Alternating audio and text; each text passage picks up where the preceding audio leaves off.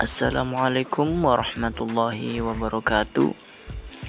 Perkenalkan saya Muhammad Raken dari Universitas Islam Negeri Sultan Syarif Kasim Riau. Prodi Peternakan, Fakultas Pertanian dan Peternakan. Nomor induk mahasiswa 1208 01 10 918.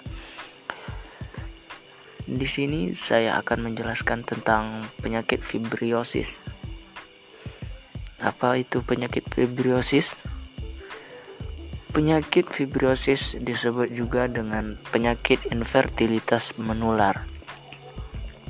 Penyakit ini merupakan penyakit kelamin sejati yang penularannya melalui proses kopulasi atau perkawinan alami dan juga dapat terjadi melalui inseminasi buatan.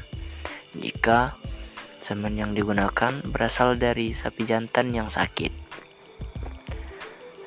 Penyakit ini disebabkan oleh dua macam galur kuman Campylobacter, yaitu Campylobacter fetus varveneralis dan Campylobacter varintermedius. Pada ternak jantan, Infeksi kuman terjadi pada rongga preputeum, pada selaput lendir gelan penis, dan uretra bagian distal.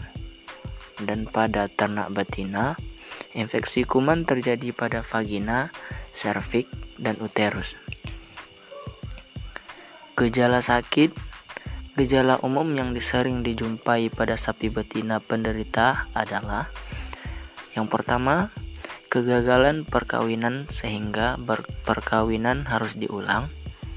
Yang kedua, ternak betina menunjukkan tanda-tanda estrus setelah 3-5 bulan dan hanya 30% yang berhasil bunting setelah proses perkawinan.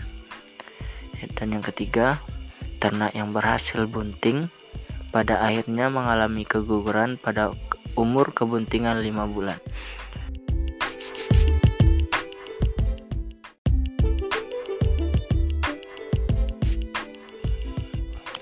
Selanjutnya, cara pencegahan dan pengobatannya.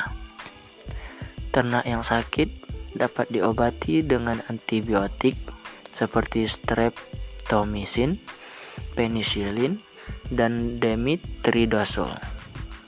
Pencegahannya dapat dilakukan dengan cara vaksinasi. Pencegahannya juga dapat dilakukan dengan perbaikan pengelolaan dan perkawinan buatan atau inseminasi buatan. Sekian dari saya. Assalamualaikum warahmatullahi wabarakatuh.